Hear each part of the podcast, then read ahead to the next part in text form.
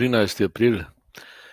Jezus danes nadaljuje svoj govor Nikodemu, eh, sebe kot povzdignjenega na križ in na križu stalega, kaže nam kot tistega, v katerega naj bi verovali.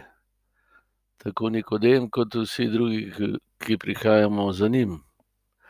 Eh, povabljeni smo sprejeti v svoje pričevanje, ki nam govori o očetu, pa večne življenje, ki je v tem, da zajemamo z njegove ljubezni, to je resnično življenje.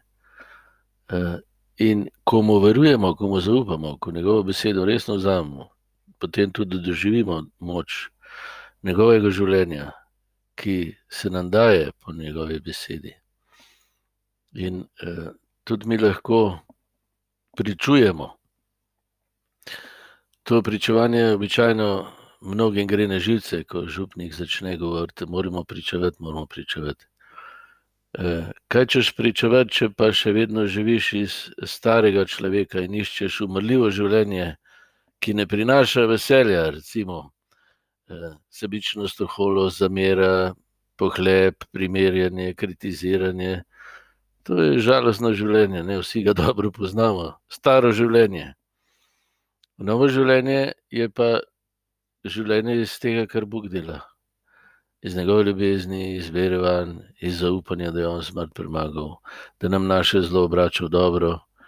Eh, potem lahko pusti za sabo to utrujenost, pa šibkost, zamerje, obup, samoljublje, pa samo uveljavljanje. To je staro lažno brez vrednosti, pa ravno nekaj 60-70 let rabimo, da nam to jasno postane.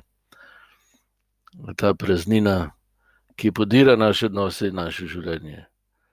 Uh, Jezus nas pa vsak dan vabi v novo, da ga sprejmemo, ker to življenje je, ga ne rabimo ustvarjati, samo sprejeti.